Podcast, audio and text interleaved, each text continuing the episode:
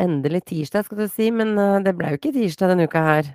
Ida, denne uka her, så Vi må kanskje begynne med å unnskylde overfor lytterne våre, må vi Ja, vi, har, vi, har, vi har fått kjeft allerede. Vi har fått kjeft allerede. Vi har det. Så skal vi Jeg kan Jeg har en veldig god grunn, føler jeg, for at eh, det ikke ble innspilling på mandag, som gjorde at vi hadde podkast på tirsdag. Og det var at jeg prøvde Jeg fortalte jo i forrige episode her om eh, min eh, søster, hvordan eh, det har blitt spredd et Jonas-hat oppe Ja. på lesesalen på Matematisk institutt. Ja. Fordi jeg i en periode gikk på en diett og sluttet å serve min søster med kvalitetsmat. Hun Yes. hadde jo da bursdag på mandag. Så da serverte jeg hjemmelaget pizza, hjemmelaget kanelsnurrer og brownies med is. Så hvis ikke jeg tok igjen for det tapte da, så skjønner jeg ingenting. Har du fått noe feedback på det? Altså dette hatet og dette denne hatgruppa? Altså har du, har du hørt noe fra dem direkte, eller liksom Det begynner å murre litt om at det er en ordkrig på vei. En Eh, ordkrig? Ja, de, de følte jeg yppet litt i kamp sist. Oi!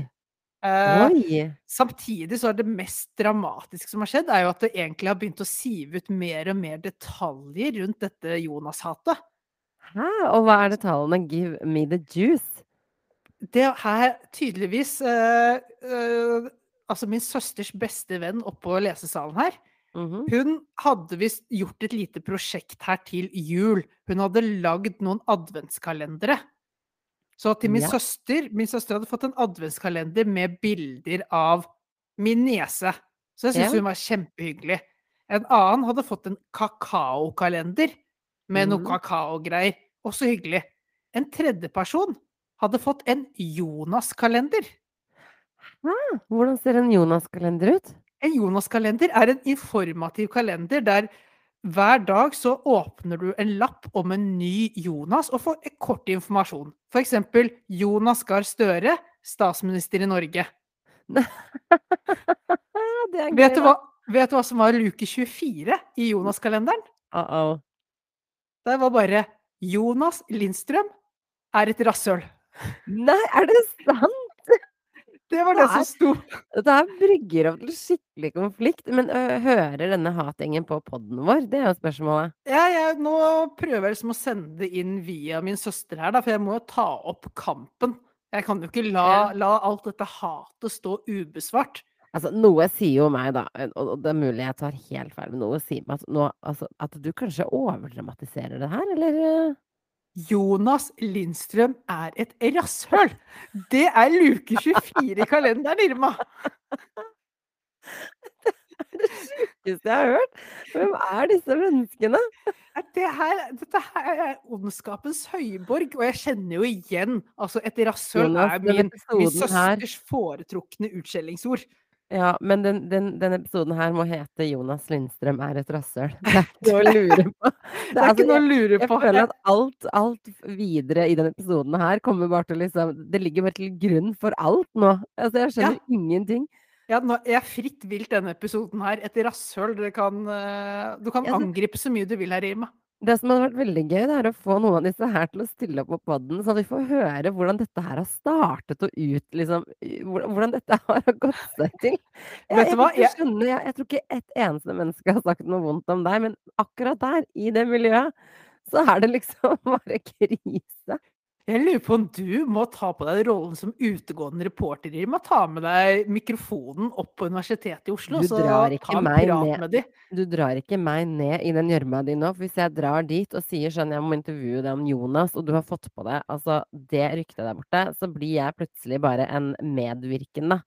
Eh, og jeg, foreløpig så står jeg clear, altså det er så vidt jeg vet. Jeg, jeg, jeg syns det hadde vært ålreit om vi fordelte litt hat det, mellom våre skuldre. Oi, oi, oi. Det, der må vi finne ut av. Jeg føler jeg må til bunns i det. Er nesten så jeg ikke tror på det. Men når du sier at Jonas Lindstrøm er en rasshølkalender, den, den sitter. Den, den er hard, liksom. Den, er, eh, den er brutal. Den er straight to the point. Det var ikke mye bullshit i den kalenderen der. Nei, fins ikke. Herregud, Nei da, så, så det gjorde jeg på mandagen. Da regner jeg med at mine lyttere, at våre lyttere forstår at jeg har faktisk har tok den prioriteringen og prøver å bygge opp litt anseelse igjen i dette miljøet her. Rett og slett med å servere min søster etter beste evne på burs, hennes bursdag. Ja. Herregud. Jeg, jeg, du har en jobb å gjøre, så du må bare kline til. Ja, ja, det blir, eh, det blir treretters middag eh, her i huset framover, så det er bare Du vet Eller alternativt, og hun kommer til å hate meg for at jeg sier det her, så nå havner jeg rett i gruppa, jeg òg. Eh, alternativt så bare nekter du henne all form for mat.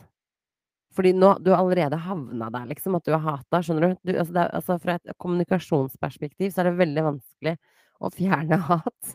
Så kanskje du bare skal straffe henne for det nå? nå skal Du bare mener at liksom- jeg skal ha, ha litt den samme tilnærmingen til henne som verden har til Russland nå? At jeg skal Ja. fryse henne ut, Ja, kutte alle goder?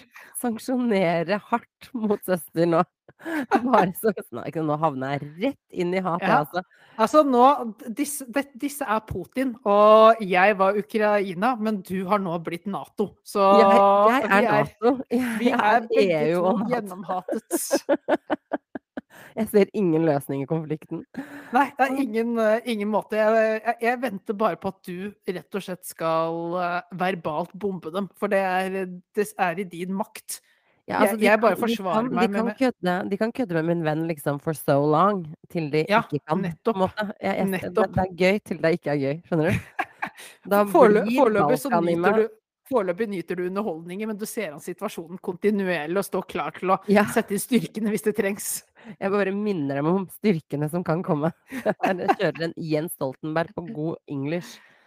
Very good, Irma. Very good. Ja, det er, eh, det er andre ting som har skjedd hos deg også, Jonas, siden vi er inne på deg. Eh, For det her ble det, det her Ja, det er, fortell. Fortell, fortell. Liv, livet mitt har vært så overraskende innholdsrikt i det siste at jeg kan Ja. ikke tro det sjøl.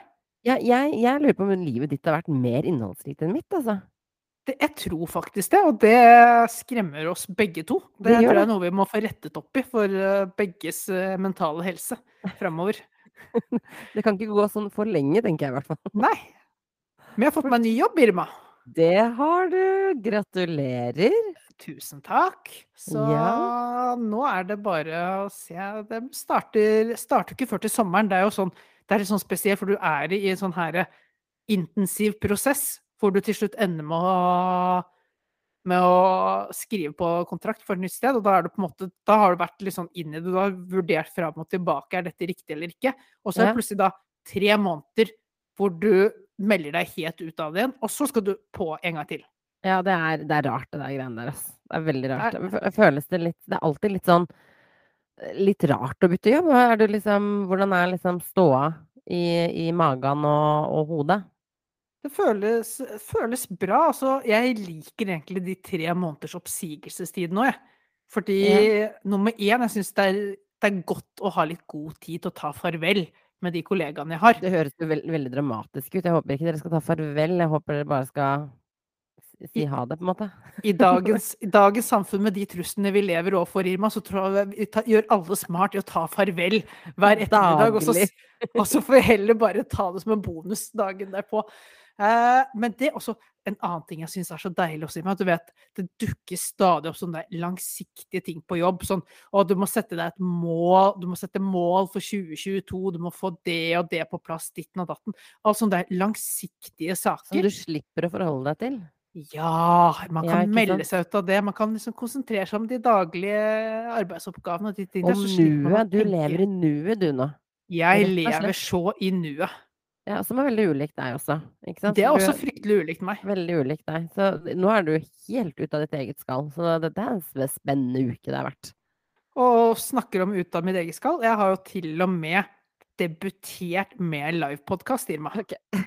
Og det er uten deg til stede. Ja, det, det må vi snakke om, men du kan ikke starte en setning med å si 'Jeg har endelig debutert'.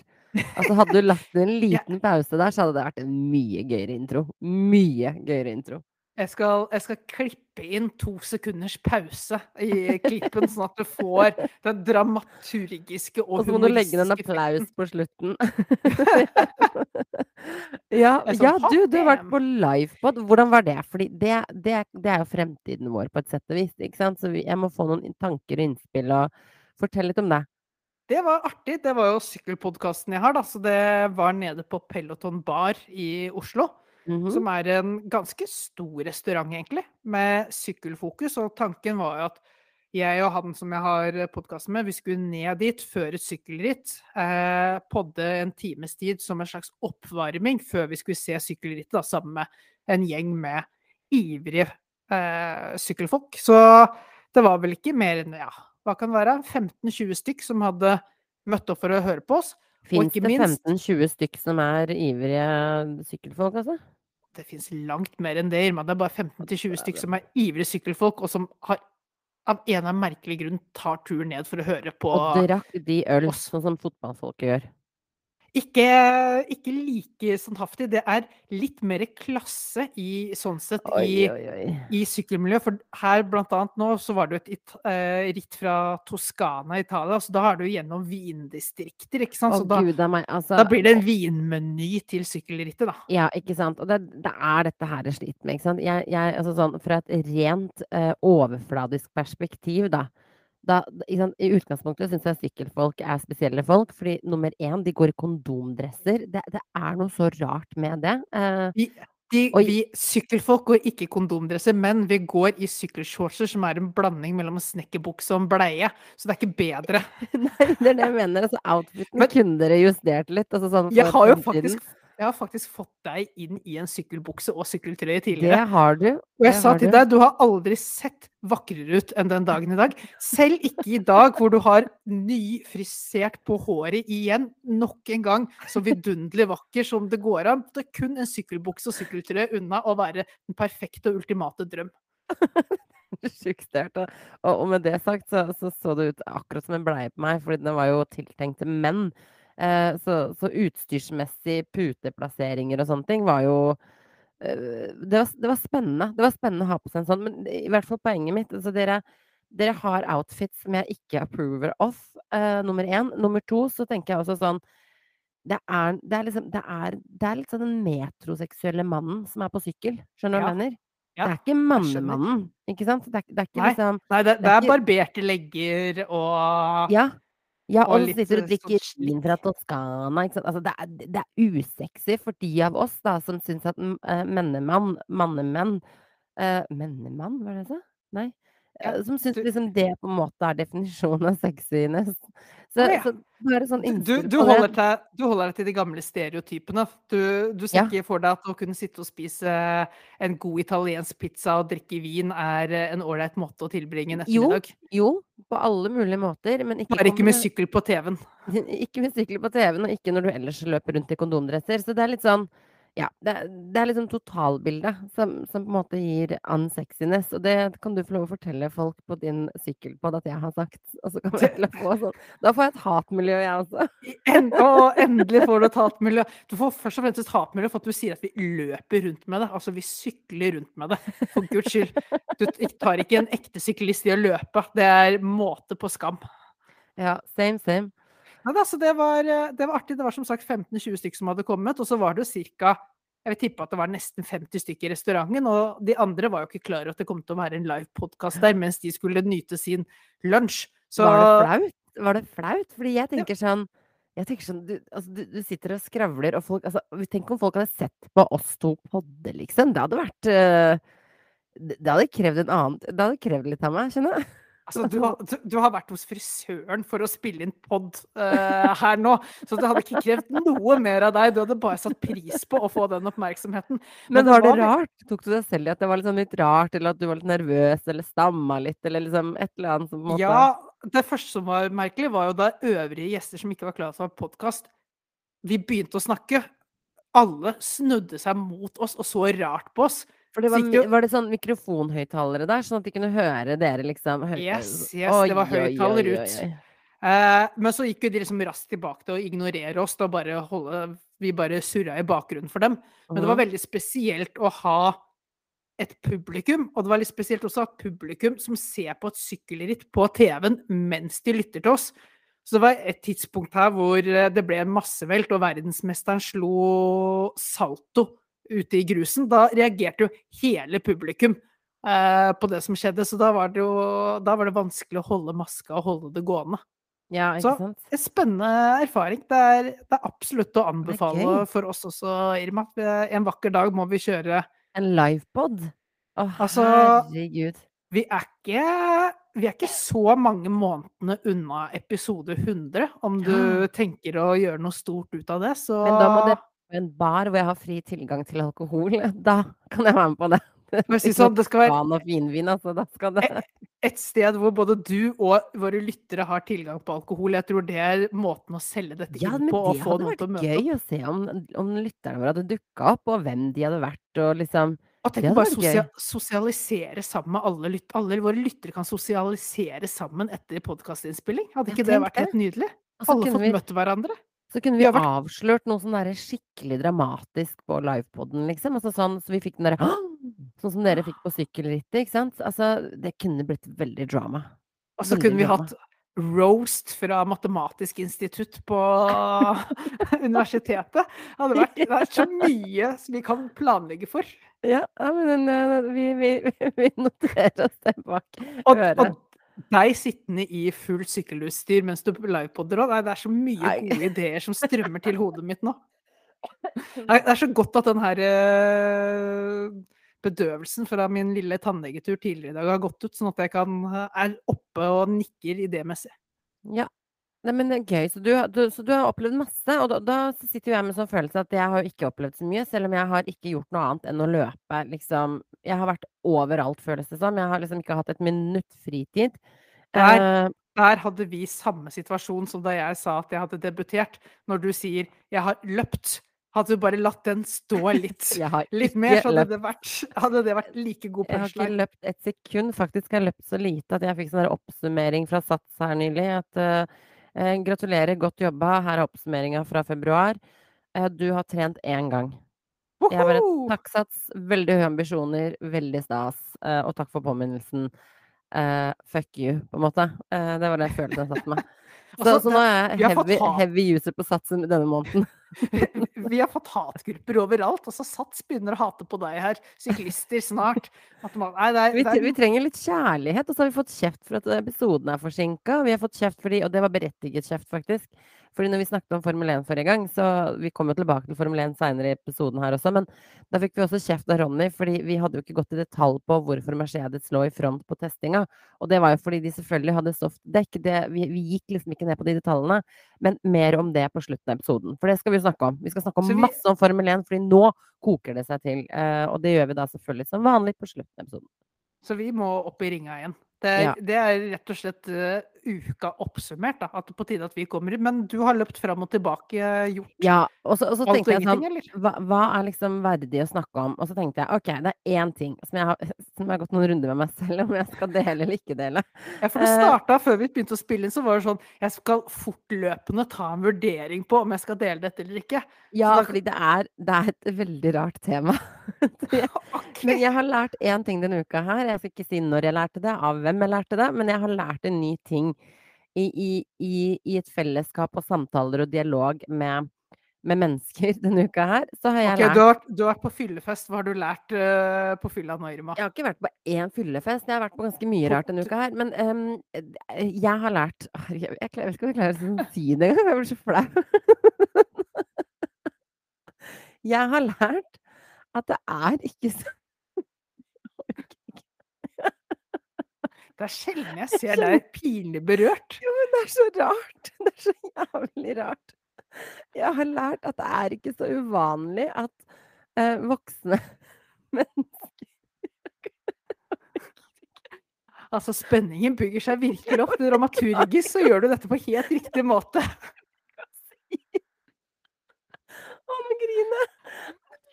Ok, den nye spalten. Irmas Det er ikke så uvanlig at voksne folk At voksne folk bæsjer på seg.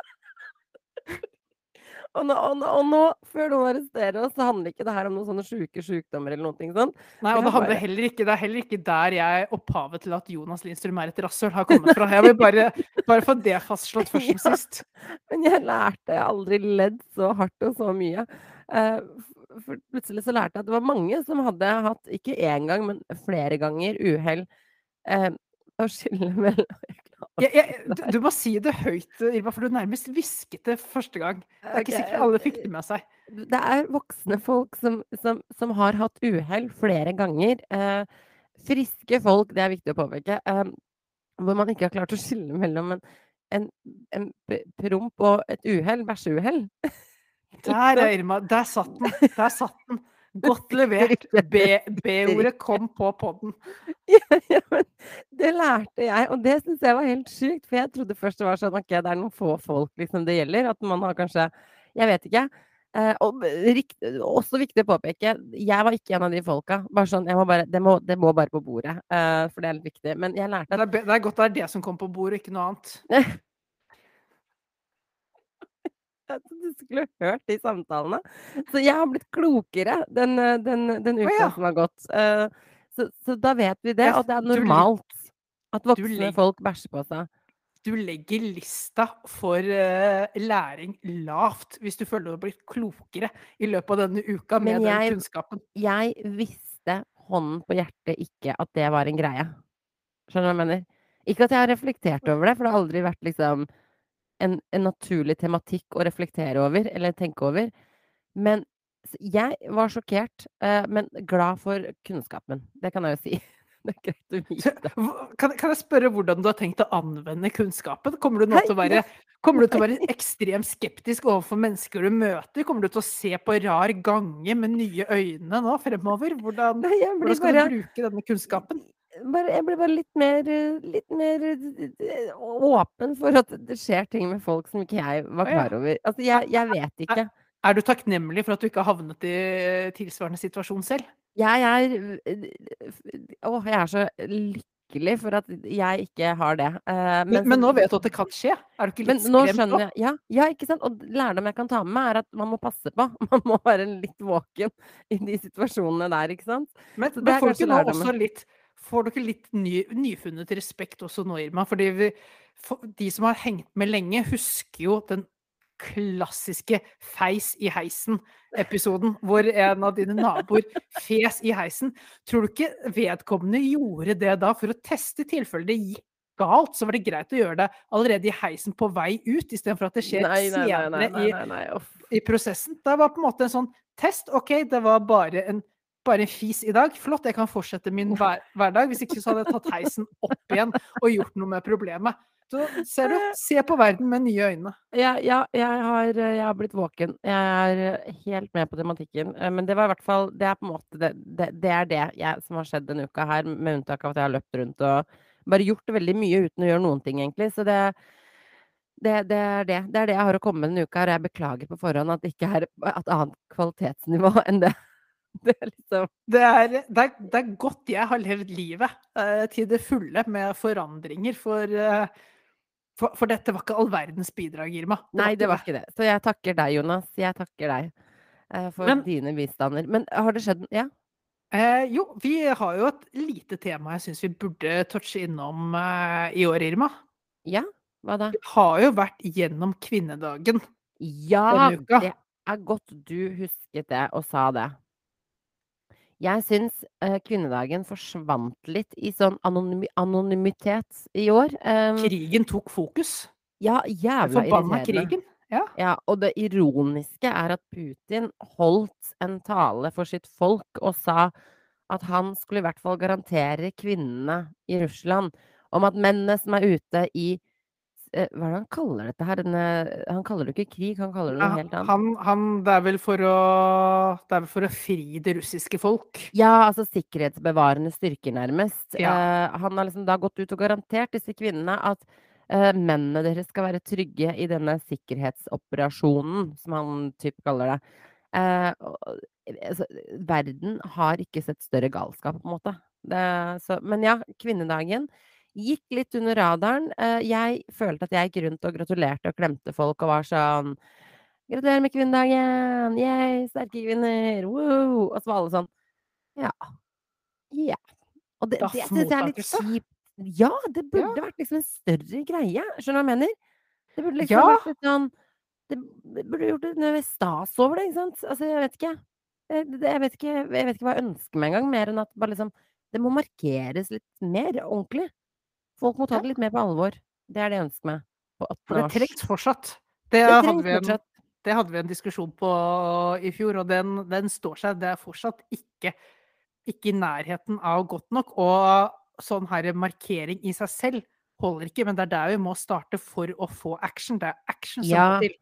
Ja, og så, og, så, og så var det også sånn På 8. mars så sier en som, en som sitter ved siden av meg på, på jobben, så sier en sånn Ja, men det er jo egentlig ikke noe poeng i Norge, for i Norge jo, er det jo likt, ikke sant? Det er så mange oppegående mennesker som fortsatt tenker at det er liksom full likestilling i Norge, og, og det er det jo i form av rettigheter på mange måter, men det er jo ikke like tilrettelagte samfunn i Norge heller for kvinner som det er for menn. Så det er liksom Ja, det er kanskje ikke i Norge det brenner hardest, men vi skal ikke lene oss tilbake og tenke at jobben er helgjort. Eh, og så er det andre steder i verden hvor det er mye verre, men vi kan jo ikke drive og sammenligne oss med liksom de verste undertrykte stedene i verden og tenke at vi har det jo greit, så da driter vi i det, på en måte. Men nå har du comeback, tidenes comeback å servere på til sånne meninger. Ja. Da kan du bare sette deg ned, så stirrer du vedkommende inn i øynene, og så sier du Du, vet du hva? Jeg har nylig lært at voksne mennesker driter på seg. Så det, det her, at du driter deg ut her Du er ikke alene, det kan jeg trøste deg med etter å ha sagt det der. Ja, ja, ja. Er ikke det et fint comeback når noen er sier noe så dumt? Jeg har blitt, jeg har blitt forståelsesfull for at folk driter på seg. Ja, Så at du driter deg ut. Du er ikke alene, kan du si. Nei. Nei, det er godt. Nei, så det, det var liksom Jeg vet ikke, litt lunka, men, men veldig glad for at vi fortsatt har kvinnedagen. Og jeg syns det er en fin dag. Og jeg vet at det er markeringer, og jeg vet at det er store temaer som kommer på bordet i andre foraer av det.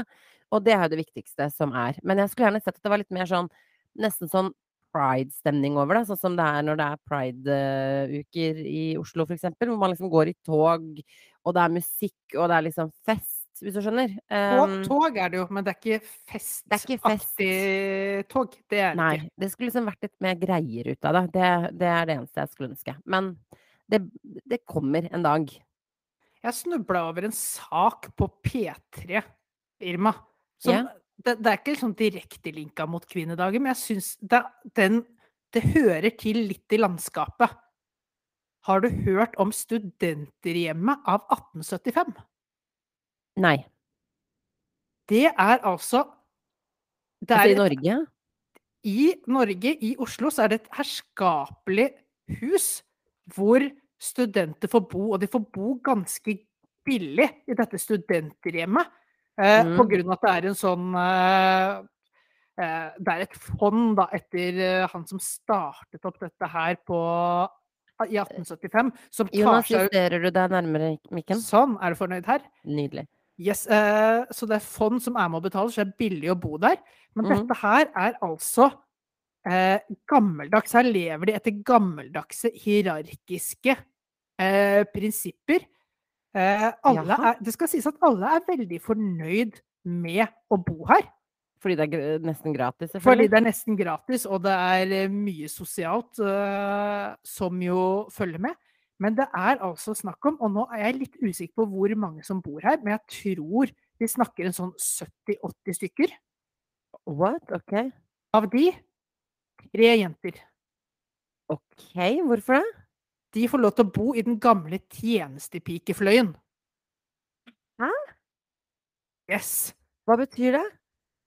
Det, det betyr, det, det skal det jo sies at det er først nå på 2000-tallet, så det er ikke så veldig mange år siden, at kvinnene fikk lov til å bo i dette studenthjemmet uten å fungere som, student, nei, som tjenestepiker i tillegg. Fram til det så måtte de være tjenestepiker også, for å måte For å få lov å bo der, liksom? Helt riktig. Ok, eh, ok, og dette her er fortsatt liksom live and well i Norge, med, med unntak av at det ikke er tjenestepiker? Er Helt sant. Og jeg hisset meg jo opp at det var litt sånn også De prøver liksom å rette det opp med at jentene blir kalt prinsesser, mens guttene kalles gubber. Eh, et slags forsøk på en positiv slash negativ vinkling for Ja, igjen det drømmer for å- vi jo om, da, å være prinsesser, ikke sant. Altså, Ja. absolutt. Ja. Eh, en posi- og hvis du prøver å sette en positiv spinn på et negativ eh, ting i samfunnet, så er jo det alt som, eh, alt som skal til. Men det er faktisk én ting som irriterte meg litt mer enn den skjevfordelingen mellom kjønn. ja. Og det var altså For å komme inn her, det er mange som ønsker å være i dette studenthjemmet fordi det er nettopp så billig å bo her. Men de har en rank.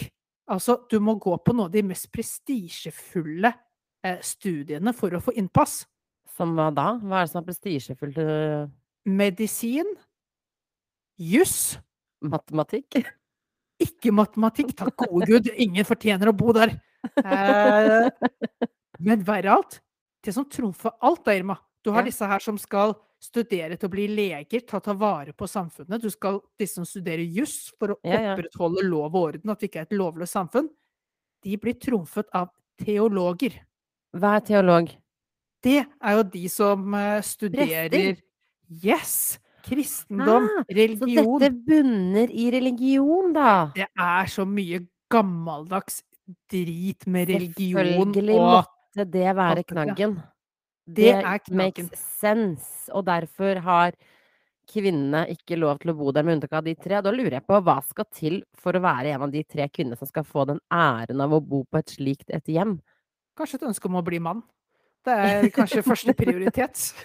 Kanskje man, akkurat, kanskje man er akkurat kristen nok til å få lov å være med, eller? Kanskje de studerer teologi, de òg. Men bare tenk det at du har en Hvis du først skal Én ting er å rangere folk etter studier hvor, eh, hvor, Hvor eh, det bra liksom det er. blir. Ja. Ja, det i seg selv er litt problematisk, men når du gjør det og setter teologi på førsteplass, da Altså, om, om det studenthjemmet tilfeldigvis liksom blir tatt av eh, mugg og råte, så er ikke det det verste som kan skje samfunnet vårt.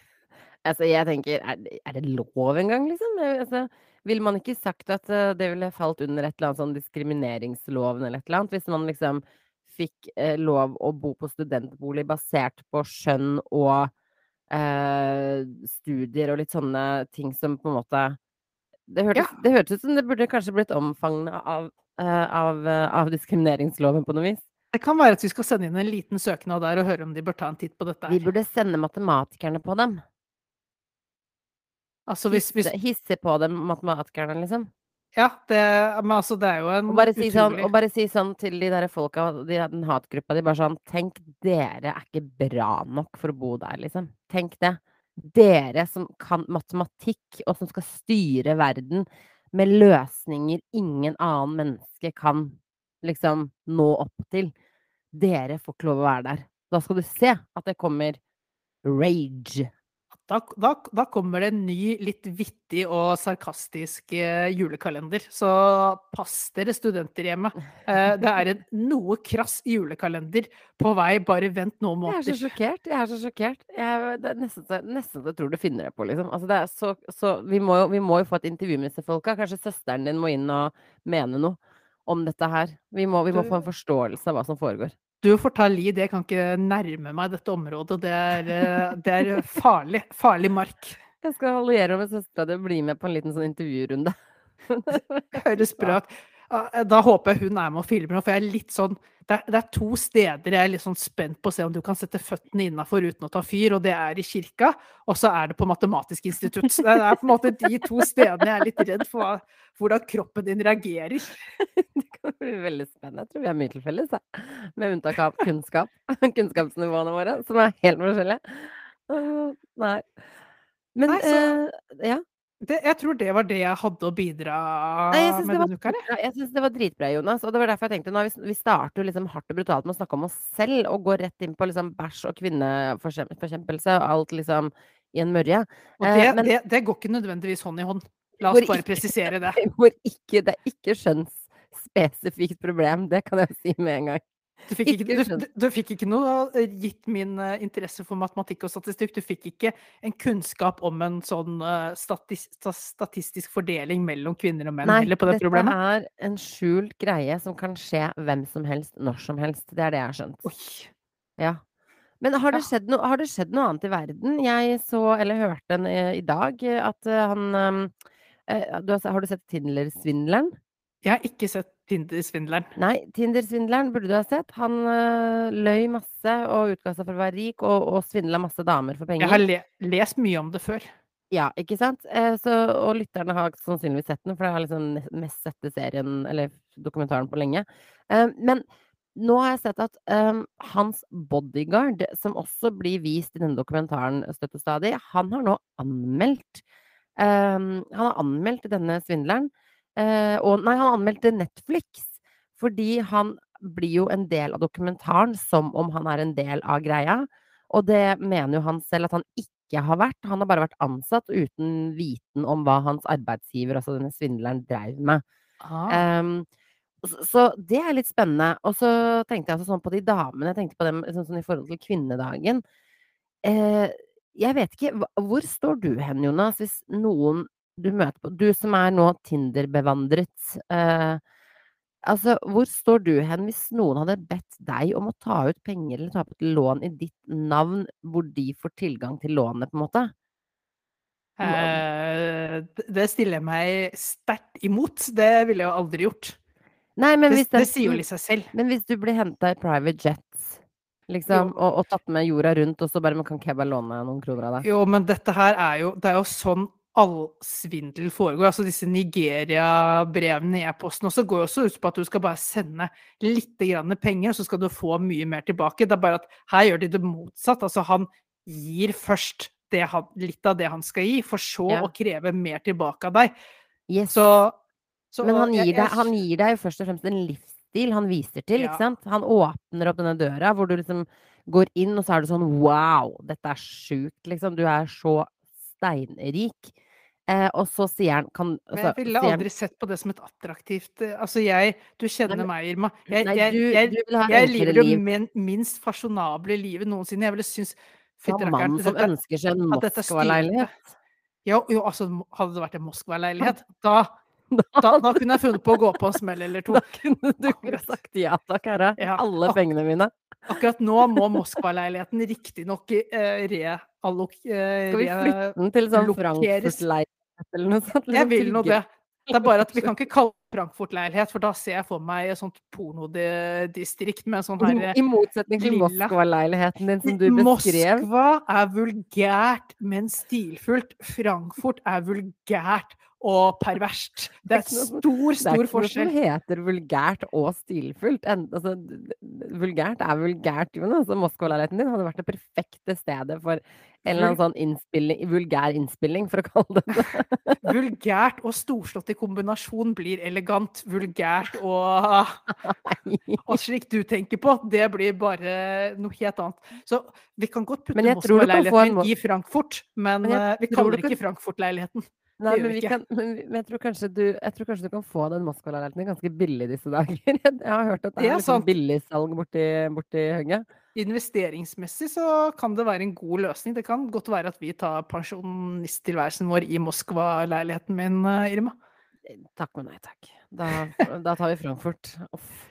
Hvor, hvor var vi nå? Jo, Vi var på Tinder- Tinder-svindleren, ja. Jo, jo. Eh, Nei, og så snakket vi vil damene, ikke. For jeg er litt sånn Jeg er litt all over the place. Jeg har dager hvor jeg tenker herregud, stakkars damer og det de har blitt utsatt for, liksom. Spesielt da hun norske som på en måte går litt i front på dette her. Og liksom, det er jo grusomt, og livet hennes er på mange måter økonomisk grus på grunn av det. Ja.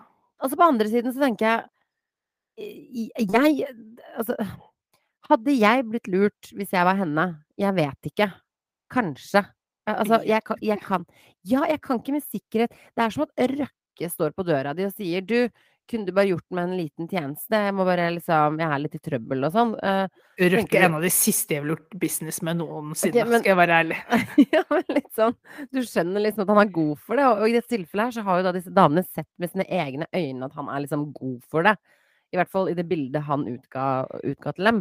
Men Hadde min, blitt lurt min konklusjon her Altså, jeg hadde jo ikke blitt lurt eh, Altså, jeg kunne blitt lurt for mindre beløpet for å være for godtroende og snill, på en måte, men jeg hadde jo ikke blitt lurt av et jetsett-liv og havnet i hundretusener og millioner i gjeld. Det hadde jo aldri skjedd. Men, men eh, det jeg tenker i meg Jeg syns alltid det er synd på offeret, for det er fortsatt ofre her. Selv om de har kanskje vært litt godtroende og naive, så er de ofre. De er blitt utsatt for en kriminell handling. Så Ja, men det er det, men det, er de. det denne podkasten jeg hørte på sa, og som jeg, som jeg ikke har tenkt over. Det er, de er faktisk ikke blitt Det er faktisk ikke kriminelt å overtale noen til å gi dem gi pengene sine til deg. Ja. Men det Og det er, derfor, det er derfor de ikke kommer gjennom i retten heller, ikke sant? Fordi det er sånn Hvis jeg klarer å overtale deg til å gi meg Til å ta opp et lån og gi meg de pengene, så har du på en måte gjort det Du har gjort det selv, på, på egen, av egen fri vilje. eh, selv om jeg har ljugd til deg, liksom. Har du sett eh, 'Inventing Anna' også på Netflix? Nei, jeg har jo ikke det! Det er neste du må se, for det, det er litt det samme, bare at der er det Tinder-svindleren. Der er det én mann som lurer en haug med kvinner. I eh, 'Inventing Anna' så er det én kvinne som lurer en hel sosietet-elite. Tenk om de to møttes, da! Ja, tenk om de to møttes, det hadde jo vært helt vilt. Men igjen, denne Tinder-svindleren er jo? Tinder-svindleren kommer Jeg tipper han kommer ganske dårlig ut av dette her. Hun her, Mhm. Anna hun kommer ut som en sånn mystisk og spennende sjel som har lurt de rikeste av de rike. Så det er litt sånn Det er igjen samfunnet vårt, da. Hvis du er litt Robin Hood, at du stjeler fra de rike, da kan det være litt grann kult. Men hvis du bare stjeler fra mannen, og ikke minst kvinner i gata, da er du jeg, en, en Jonas Lindstrøm etter rasshøl. Da har du en Jonas Lindstrøm. Men, ja, men det, det, er, det er fælere at han stjeler fra folk som ikke egentlig har de pengene. Eh, og så Ja, syns jeg jeg, jeg, jeg, syns, jeg syns synd på det. Jeg gjør det. Og så, samtidig så håper jeg at de lærer en verdifull lekse om at det viktigste i livet er ikke ting som skinner, og status Snakk og for deg selv, Jonas. Snakk for deg selv. Det er derfor Jo, men- jeg sier hadde jeg blitt lurt Nei, jeg tror faktisk ikke jeg hadde det. Nummer én, for at jeg uh, har ikke det derre gold digger-genet i meg. Men det hadde jo vært sjukt å gå fra en vanlig hverdag, sånn som disse kvinnene har, da, stå opp, dra på jobb, bla, bla, bla, som i Norge på en grå mandag, eh, til at det plutselig er privatfly hvor du bare har sånn La oss reise et døgn til Barcelona. Plutselig så liksom åpner en verden seg for deg, på en måte som du ikke altså, om, om, ikke, om ikke noe annet, så er det spennende, liksom. Selvsagt er det det, men hvor kort er ikke veien da til at du blir kjøpt og betalt, nærmest? Altså Ja, selvfølgelig er det jo det, men det er jo ikke alle som syns det er så viktig å, å ikke være kjøpt og betalt. Neste 8. mars-parole er eh, 'ingen flere kvinner lurt av Tinder-svindleren'. Ingen flere. Ikke selv, ikke selg dere billig, dyrt eller eh, noe som helst. Men han har faktisk en dame kjæreste nå, hun er mye yngre, og hun er liksom selvfølgelig da smellvakker, og han kaster rundt seg penger fortsatt. Og jeg fatter Ja. ikke hvor han har fått de pengene fra, med tanke på at nå vet jo alle at han svindler damer, så åpenbart får han jo ikke svindla damen det, mer. Alle gjør ikke det, vet du. Det, det er stort i deler av verden, og så er det alltid noen som ikke får det med seg. Så er det alltid noen som, som, som tror at et menneske kan forandre seg, at den er så annerledes mot meg enn det har vært mot alle andre. Altså, du, vi har sett nok serier, dokumentarer og alt mulig til å forstå dette her at eh, det, hvis, det er, bare, hvis det er én ting det fins mer av i verden enn svindlere, så er det potensielle ofre for svindel som er mottagelig for det. Ja.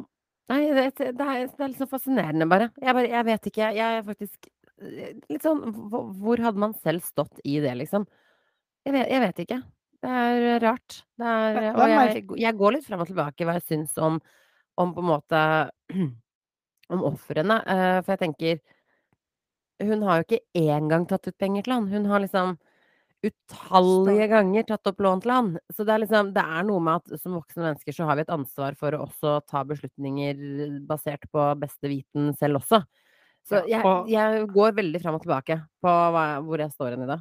Og hvis du begynner å ta ut penger og gi lån til din kjæreste for å dekke en livsstil vedkommende ikke har råd til, så er du faktisk ikke snill, for det kommer til å krasje på et eller annet tidspunkt uansett. Så det er ikke Ja, men er det ikke rart at din milliardærkjæreste skal ha eh, 80 000 kroner av det? Hva fanken er 80 000 kroner for en som flyr rundt på privatfly og sånn? Hvor lenge hadde det vart, liksom? Altså, det høres jo bare Summene høres jo rart ut. Men eh, jeg skjønner at du fisket, du fikk svaret fra meg. Pensjonsfondet ditt er, står trygt, selv om jeg bevandrer meg rundt i Tinders verden for tiden. Så Så, så ta, ta, det med ro, Irma. Det er godt. Jeg, jeg, har satt denne på lista, jeg skal se den, men lærdommen har jeg allerede innabords. Så... Ja, ikke la noen røre pensjonspengene våre, Jonas. Vi skal er, til eh, Moskva, endte vi opp med. det, det, eneste som rører det nå, er nedgang i alle fond og sånn, så livskvaliteten på pensjonisttilværelsen vår, den faller for hver dag Putin holder på. Så snart må du ah. på banen der også, Irma. Igjen, først og fremst for å sikre deg selv. Ja, Uh, nei, det, jeg har jo gitt deg det ansvaret, så jeg tenker det er greit. Men nok om det. Herregud, vi snakker oss vi kan holde, vi kan, liksom, Det her kunne vært en live på, vi kunne bare holdt på i timevis. Vi har en ganske lang Formel 1-sesjon foran oss. Uh, eller hadde du noen siste ting på hjertet? Nei? Nei, jeg tenker at å, om du parkerer de lytterne mm. som ikke vil henge med ut i Formel 1, så er, tror jeg det er tidspunktet nå. Det er tidspunktet. Vi switcher over til eh, Formel 1. Takk til dere som hørte på hittil, og ikke lenger. Så snakkes vi igjen neste uke. Vi skal prøve å holde oss til disse tirsdagene. Men, men vi er i en sånn tilpasningsperiode. En liten ja. tilpasningsperiode. Så gi oss, en, gi oss, en, mulighet til å finne ut hvilken dag som det egentlig blir. Det, det fins verre uhell som får, skjer mennesker, enn at vi ikke får ut en podkast på tirsdager. Det er det dere må ta med dere fra dagens podkast. Takk for nå. Herregud, Jonas. Det, nå er det så mye som skjer i Formel 1. Altså nå som det liksom er på opp, oppløpet, rett før alt uh, begynner og starter og sånne ting, så er det jo Det er så mye som skjer. La oss begynne med liksom first things first. I dag, as we speak, så ble det bekreftet at den nye Has-sjåføren blir ingen andre enn danske Kevin Magnussen. Back litt tilbake i Bar Irma, for siden sist vi hadde podkast, så var det ikke et ledig, da var det ikke et ledig sete i Has engang. Hva har skjedd? Jo, hva har skjedd? Og, og her, det her er litt viktig, da. Fordi eh, eh, Nikita Masepin har jo blitt eh, kasta ut med liksom umiddelbar virkning. Eh, hans ikke far av ikke av sporten, men av laget. Av Has, ja. Og, og, det er logisk, fordi mange tenker at det er fordi han er russisk. Det er ikke derfor. Det er, uh, det er flere årsaker til det. Det ene er at uh, som russisk statsborger så får han nå en masse Alle disse sanksjonene, um, de, de, treffer dem veldig hardt. Sponsoren hans, eller bedriften til, farens, til faren, altså sponsoren til Has, eh, pengeoverføringene har stoppet opp, ikke sant, fordi bankene i Russland er nede. Så de har Disse pengene de har vært avhengig av i HAS, får de ikke lenger. Og det betyr at kontrakten ikke lenger er gyldig mellom partene. Det betyr også at han godeste Nikita Masepin, han hadde ikke reisevisumer og hele den biten der. blir jo veldig mye vanskeligere for han nå, for nå er det en del sanksjoner mot disse rikingene i, i, i Russland, inkludert hans far, så han faller jo på en måte litt under det. Så rent praktisk lar det seg ikke gjøre å ha han med, og kontrakten er terminert fordi at pengene har sluttet å komme inn, ikke sant. Det problemet med å være kjøpt og ha kjøpt og betalt seg et sete, er jo at når de pengene du kjøper og betaler med, tar slutt, så, så er det ikke noe plass igjen. Ja, og det er jo ikke noe å legge skjul på at han har sittet i det setet utelukkende av de pengene. Så nå er Has uten sponsor. De var i noen dager nå uten fører. Det var masse spekulasjoner om hvem som skulle inn og å ta dette setet. Eh, mange trodde det skulle bli eh, Antonio Gino... Nei. Giovinazzi? Gio, jeg klarer ikke å si det. Giovinazzi. Som satt i Alfa Romeo-setet i Yes, fordi han har jo ytret selvfølgelig at han vil tilbake til Formel 1 hvis han får mulighet for det. Eh, jeg trodde at det skulle bli han, men de har også en reservefører. Hva, oh, Gud, hva heter han igjen? Um, Pittipaldi eller noe sånt? Et veldig morsomt navn. Ja, jeg vet. Eh, han har jo vært reservefører for dem, så alle har jo tenkt også at han skal kanskje inn i det setet der, som ville vært kanskje et naturlig valg. Um, men det skal han da ikke. I dag er det bekreftet. Det er Kevin Magnussen, dansken, som har en lang Formel 1-karriere bak seg. Jeg hadde jo glemt han litt, jeg, fordi han forsvant. Uh, men så har han vært med i Formel 1 i mange år. Han har vel, jeg vet ikke Jeg kunne ikke se at liksom han hadde utmerket seg, så kanskje det er derfor han er litt bak i hukommelsen. Men han har vært i McLaren, han har vært i Renault, og han har vært i Has. Nettopp Has. Han, han mista vel egentlig setet sitt til Masipin, som hadde kjøpt yes. seg inn. Så det er på en måte Ja, det, det, må jo føles litt merkelig for han også å komme tilbake på dette tidspunktet. Bli kjøpt ut av plassen sin, og straks de pengene faller bort, så bare Du, Kevin, du var jo ganske god til å kjøre bil, du, da. Du skal, ja, ja. skal, skal ikke komme tilbake igjen til oss, da. Ja, ja, ja. Og så er det, så er det litt sånn Jeg tror nok Has liksom i en drømmerealitet sikkert kunne tenkt seg å hatt uh, Giovanazzi Gi, Gi, Gi, Ik ikke din drømmevirkelighet. Jeg Nei. tror det er veldig godt at han holder seg unna Formel 1. Ja, fordi det er jo på en måte en mer erfaren sjåfør, og det er liksom andre som var på på blokka, som er mer erfarne enn Kevin. Eh, men, men så tror jeg også det her er et snakk om um, andre kontrakter de har, men også penger. Det er klart at Kevin Magnussen er billigere, sannsynligvis, enn mange av de andre mer etablerte Uh, lengre erfaringssjåførene som har vært i gamet Og så har han jo jobbet i, vært i dette Has-teamet i mange mange år, så han kjenner jo folk der. De vet uh, hva de får av han. Så, så med tanke på at du har så kort tid på å kjøre deg inn i bilen, så er det vel en fordel da enten på at det liksom skulle vært denne testsjåføren Ja. deres, eller da Kevin Magnussen, som har en erfaring med dette laget, at det faktisk er en av de to som kommer inn. Ja, og så tror jeg han blir en veldig god makker til eh, Schumacher. Eh, jeg tror det blir veldig godt. Jeg tipper uh, Schumacher nå tenker takk og lov at vi er kvitt uh, Mazepin. Eh, de var jo ikke venner, som vi vet. Eh, og så tror jeg kanskje han også syns det var litt kjipt å ha på en måte en partner som, som satt der eh, bare pga. pengene og ikke pga. prestisje eller hardt arbeid eller noen ting. Eh, og så har Kevin er jo, han har jo mye mer respekt i systemet enn det Nikita noensinne ville ha hatt, på et sett og vis. Så jeg tror nå føler Schumacher at liksom det er kanskje et nærmere det teamet han ønsker seg. Og så tror jeg Gunther er litt stressa, men også veldig fornøyd, fordi endelig kan han strippe liksom, han, han solgte jo sjela til djevelen, ikke sant? For han hadde ikke noe valg, han trengte de pengene. Og så ble de pengene investert i den nye bilen. Det er en bedre bil. Vi har jo sett at de har jo ikke gjort det så halvgærent uh, hittil på testing. Eh, og, så den verste kostnaden er tatt, og nå skal de altså ut og konkurrere, og nå har de mulighet til å da få inn nye sponsorer, som kanskje er litt mer ikke fra diktatorland med de kravene det som faller under det. Og så kan jeg trøste dem med at Masepin har funnet en ny eh, mening med hverdagen sin, for han har nå startet en organisasjon som skal jobbe aktivt med å hjelpe russiske utøvere som nå blir lidende av denne politiske uroheten. Ja da, så han skal bruke Denne politiske uroheten, ja. Det er tross alt det det er. Det er en politisk urohet. ja. Det er bare politikere som krangler litt. Ja. Bitte lite.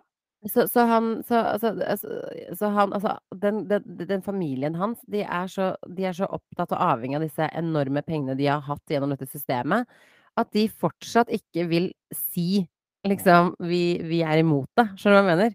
Og det Yes. gjør han bare desto mer om mulig usympatisk, for det er jo ikke noe å lure på at han er en fryktelig usympatisk sjåfør som ingen ville ha der noensinne i utgangspunktet. Så, men gode nyheter. Jeg heier litt på underdog Has. Jeg vet ikke hvordan de kommer til å prestere. Det er vanskelig å si. Det er liksom nye biler og alt. Alt kan skje. Men jeg jeg har plutselig gått fra det mest uspiselige teamet til et skikkelig spiselig, artig outsider-team. Ja, og jeg håper noen hopper inn og blir en dritbra sponsor for dem, som støtter og hjelper og liksom er på en måte med å utvikle dette her teamet. Og så, og så håper jeg de liksom, om ikke de blir best i klassen, så at de i hvert fall kommer seg litt opp på, opp på um, pallen. Sånn at de, eh, sånn at, de altså at de liksom At Gunther får liksom litt suksess òg. Det hadde vært gøy. Jeg liker han. Gunther er en eh, mann av din smak, dere. Det er, eh, der er det særdeles eh, spontane følelsesutbrudd. Ja, og han er det beste han har sagt når han sa på radioen til Nikita Enough! Enough! Det var så deilig. Det var bare sånn Han får så nok. Han Bare får så jævlig deg. nok. Gi deg, gi deg. Eh, når vi er inne på, Vi snakket om forrige uke at vi må ta en liten runde på de nye førerne foran årets sesong. Ja. Eh, og nå fikk vi inn Kevin Magnussen, som gjorde kom, eh, comeback. Og Mm. av de to nye førerne vi har, så er det en annen som gjør comeback, og det er jo Alex Albon. Ja. Og det, det, det, det sliter jeg fortsatt litt med å forstå, hvorfor han får liksom komme tilbake. For han gjorde en fryktelig dårlig eh, sesong når han kom inn i Red Bull. Men var, han ikke, var det ikke litt sånn Han ble jo kasta veldig ut i det, for altså hans eh, erfaring var at han kjørte i dette Alfa Tauri-teamet. Yes. Eh, som er da på en måte rekruttlaget til Red Bull. Ja. Eh, og utfordringen her var jo at Pierre Gasli leverte eh, fryktelig dårlig for Red Bull. De var ikke fornøyd med han i det hele tatt, så midtveis i sesongen så sendte de Pierre Gasly tilbake igjen på reservelaget, og så tok de Albon opp. Og det som var utfordringen for Albon, det var jo som det var hans livs mulighet da, i et stort lag. Samtidig så fjerna de jo sikkerhetsnettet, fordi plassen hans på B-laget, om vi kaller det det, den var jo allerede klar til Gasly. Så det var litt make it or break it. Vis Ja, at du er god nok til å klare det, er- eller ryk helt ut. Jo, men dette er en sport hvor det er plass til en promille folk som skal gjøre ingenting annet enn å leve under press. Både for plassen sin, for plasseringa si, for sponsorer, for Altså, det er jo det alt handler om. Men Eh, Og det er ikke rom for å ikke prestere fordi du er for presset. Og, og han tålte ikke det presset. eh, Og han forsvant på grunn av det. Og så skjønner jeg at kanskje Red Bull ser et potensial i han som jeg personlig ikke eh, klarer å se at de ser. Eller hva de ser. Nei, Fordi han, men, han har ikke aldri utmerket seg, på en måte. men Jeg tenker jo at OK, Alex Albon klarte ikke. Det er litt shame, shame on Red Bull også, med tanke på hvordan Pierre Gasly tross alt har prestert i ettertid. Så burde de nok hatt mer tålmodighet med han Uh, før de Men du kan ikke det når du kjemper om et uh, verdensmesterskap, Peres. så har du ikke tid. Det er det. Det er liksom ikke rom for noe Nei, men liksom Men de gjorde en, marginer. de gjorde jo en forandring til det verre. Så sånn sett så tok de faktisk og senket uh, Verstappens ver- mesterskapsmuligheter ytterligere det året ved å gjøre Jo, den Men de tenkte, jeg tipper de tenkte at vi må bare gjøre en forandring i håp om at det blir bedre. Uh, men Men- nå, nå er det jo nå er det jo bra. Peres presterer jo uh, mye bedre enn både Albon gjorde og, Gasly gjorde og, og, um, og så videre. Så jeg tror at liksom nå, nå er de der. Men nå er jo Albon tilbake med mindre press på sine skuldre i, med, i uh, Williams-bilen. Yes. Så nå får han Sammen mulighet med til å redeem. Bottas. Og de tror jeg blir Jeg tror det blir et bra team, eh, for de er jo veldig likende typer begge to. Eh, jeg tror han kommer til å jeg tror han kommer til å bevise seg i år, eh, fordi jeg tror han har vært veldig sulten på å få en ny mulighet. Jeg tror han gikk ut litt altså det, var, det er en kjip måte å dra ut på. Ja. Mye stress, mye press, og, og ikke mulighet til å vise det selv. Så det er det. Men vi har jo fått en helt ny sjåfør, Jonas. Ja, og det er enda godt. Det føles som det, det som mangler litt foran årets sesong, da, med alt som har vært med Netflix, da, så har vi det meste på plass for spenning, men vi savner litt nye eh, fjes. Og da har vi jo heldigvis en mann som bryter barrierer. Mm. Juan Ju Chu. Oi, hvordan skal, hvordan skal vi si det navnet fremover? Fordi jeg Juan Chu Chu. Er det har sånn hørt- man sier det? Jeg har hørt på en YouTube-video. På repeat, okay. på repeat. Juan Chu Chu. Men kan man bare si Juan, da? Eller du kan si Chu. Eller Chu? Ja, Chu blir lettere. Det blir lettere. Chu. Chu. Chu. Yes. Så Yes. da, ok. Men Første, han, han, han første må vi lese litt om. kineser ja. kineser eh, noensinne til å skulle kjøre en Formel 1-løp. De har hatt en kineser Ma, tror jeg han het, som eh, var innpå og kjørte en treningsrunde i et eh, Grand Prix i 2012 eller noe sånt. Ta meg ikke helt på det fakta. Eh, men han skal bli første kineser til å kjøre et Formel 1-løp. Eh, og dette her er en en mann som ganske tidlig 2012 var det. Som ganske tidlig satset såpass på, på bilkjøring at eh, i tenåringsalder flytter sammen med sin familie til Storbritannia. Eh, Så Mm. dette her er en mann som har hatt øyne, liksom eye on the prize, og så er det litt sånn Og han har jobbet hardt, og han har vært gjennom har- Formel 4, Formel 3, Formel 2. Han har liksom gått gradene, fordi mange var jo bekymret for at man skulle få en ny på en måte Nikita Masepin. Sånn, eh, du har store sponsorer bak deg fra Kina, og det er liksom stor interesse, så derfor kjøper du deg et sete. Det er ikke tilfellet. Eh, Sånn som jeg leser eh, ting om han, så er han jo en veldig likende type som har stått på skikkelig eh, gjennom more or less hele livet sitt. Eh, og han er også en sånn eh, internettpersonlighet, om man kan kalle det det, eh, i Kina. Så han er liksom Er det en pen måte å kalle han en influenser på? Altså, ja, ja, altså, ja, på en måte. Ja. Eh, og så er han jo, er han jo da liksom også vært litt sånn modell og sånne ting. Eh, så han er jo ganske kjent i Kina eh, i utgangspunktet. Og så har han Det virker som han har liksom hodet godt skrudd på skuldrene eh, og er sympatisk og ydmyk, ikke minst. Så jeg tror det at han er inne i Formel 1 er en veldig stor greie og, og vært målet hele tiden. Så det er et fortjent sete, det kan man jo si. Ja, Nummer tre i Formel 2, så det betyr jo at nummer én og nummer to i det mesterskapet i fjor ikke har fått plass, men han har fått plass. Eh, fire seire hadde, en, hadde et par, eh, par, løpshelger, som betyr fire løp da, i Formel 2, hvor det gikk litt skeis, som ødela litt i mesterskapet. Men eh, det virker som du sier, da, som en veldig solid eh, sjåfør. Han kom jo inn i Alfa Romeo nå.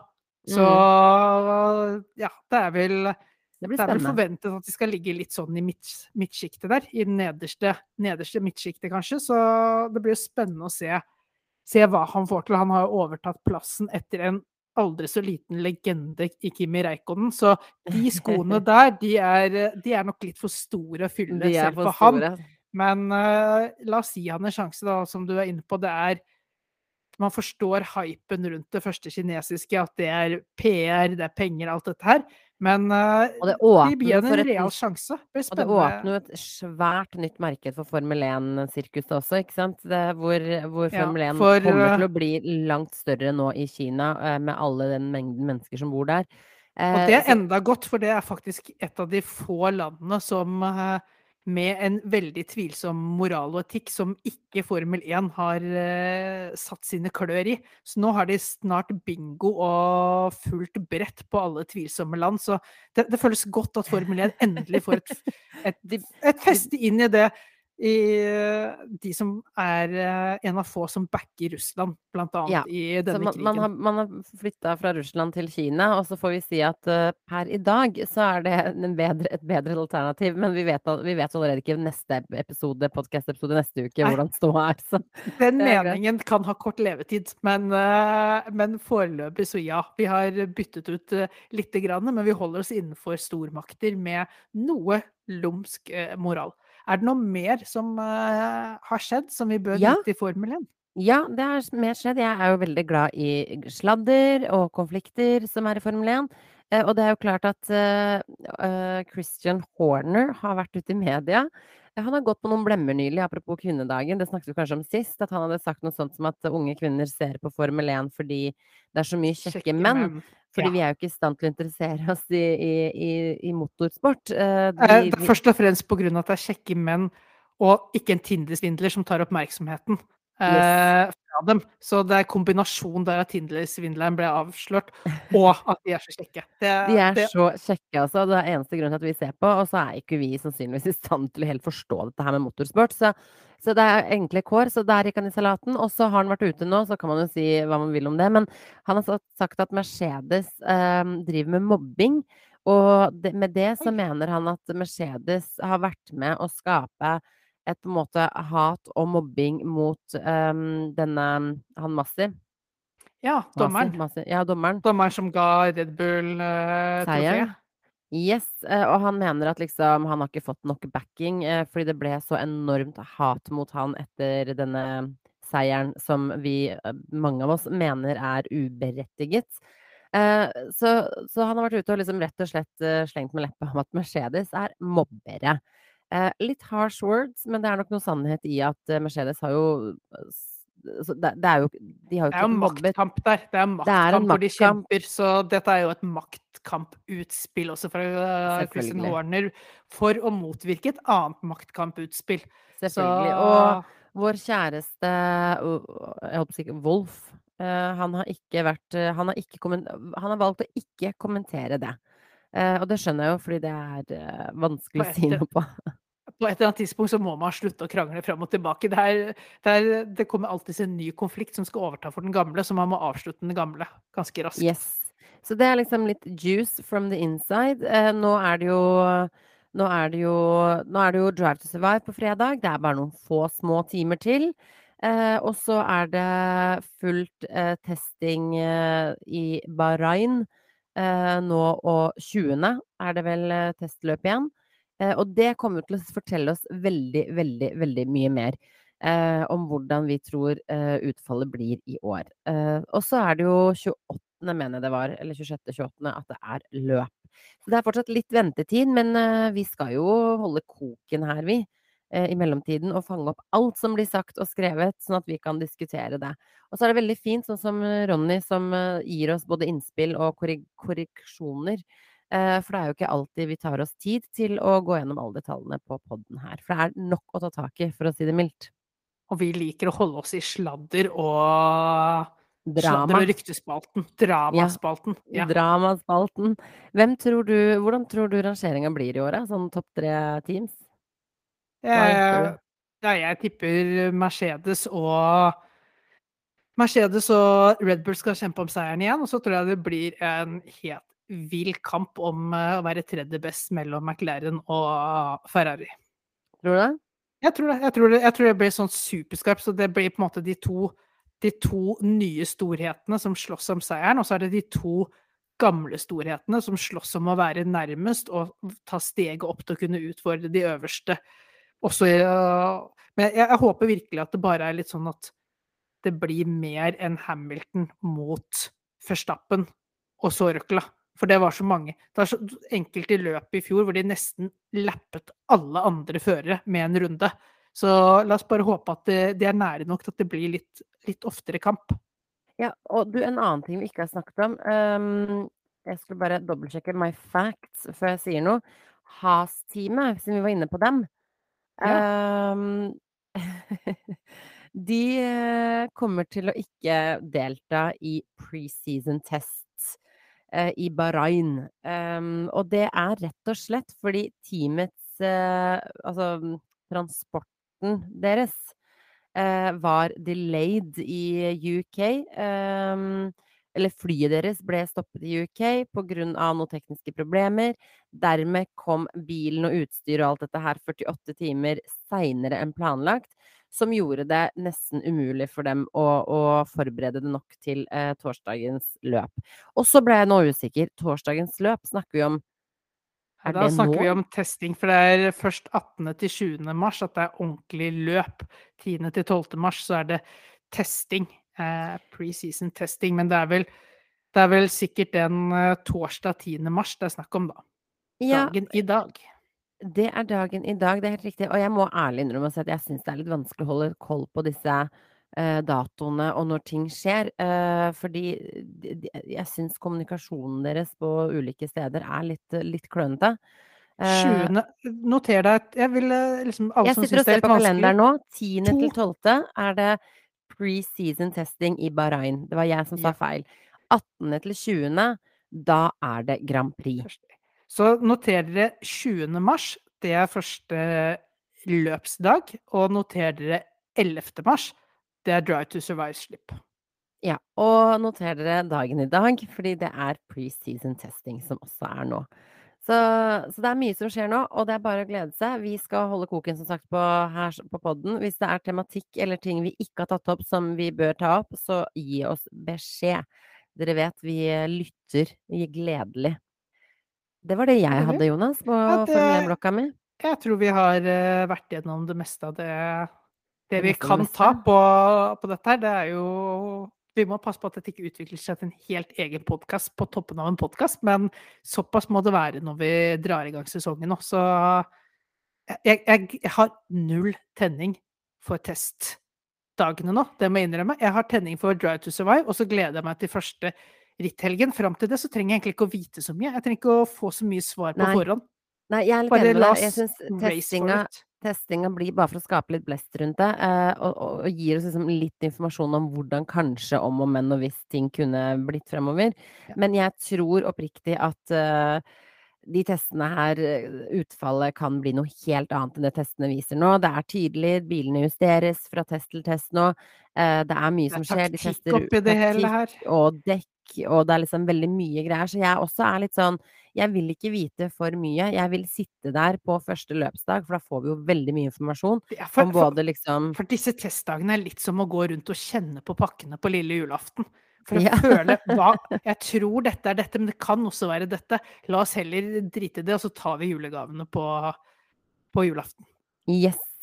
Så takk for oss. Vi snakkes igjen neste uke. Vær tålmodig med oss. Vi eh, holder kontakten. Ha det godt. Ha det!